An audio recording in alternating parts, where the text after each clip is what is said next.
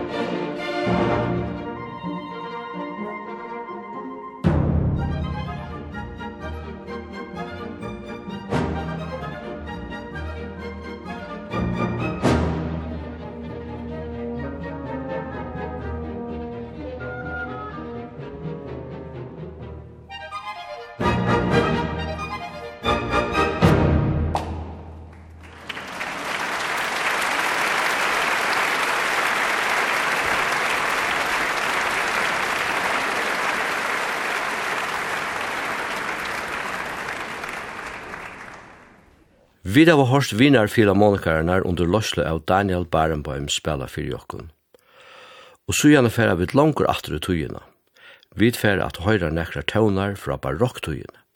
Og det er italske tøvnasmyren Antonio Vivaldi, som levde fra 1688 til 1641 og hever skriva.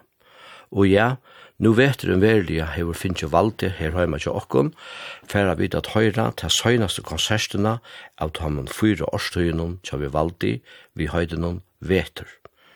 Verski er skriva i 1623 og er skriva fyrir soloviolin saman vi orkestra. Høyde er jo til fyra årstøyunar, så her er å samla fyra konserter hver utri mot satsen, og en konsert fyrir hver i årstøy og som sagt verir det at han søgnasta vi navnen og vetur vi fer at høyre her i det. Til tøvnløgjen hever vi valgte sjolvor skriva fyra såkallega sonetter. Hette er ystingar som han bøgnløyes hever skriva inn saman vi nøvdunum. Så tøvnløygaren er bøgnløyes kunne sutja kvart hoksanen atan fyr tøvnanar er. Til fytsa sats, og heskon særstene, som er nokso sjåtur, aldegron non molto, snur ischingen se om kulda, kava og nekvan vind. Altså, hetta kunde saktans veri skriva om vekkri om jólene her heima til okkon. Annars satsur er sjøynur vi tempohøyden og larko. Her ischir han om a sita heima kring om kaminina og hita medan rekne øyser utanfyr. Trije og søgnaste satsur er atur sjåtur, allegro og her snur så nettan seg om kulta og frista gjør, og om at skunda seg er en usyren branar, så du ikkje fettler nyr i jøgnen han.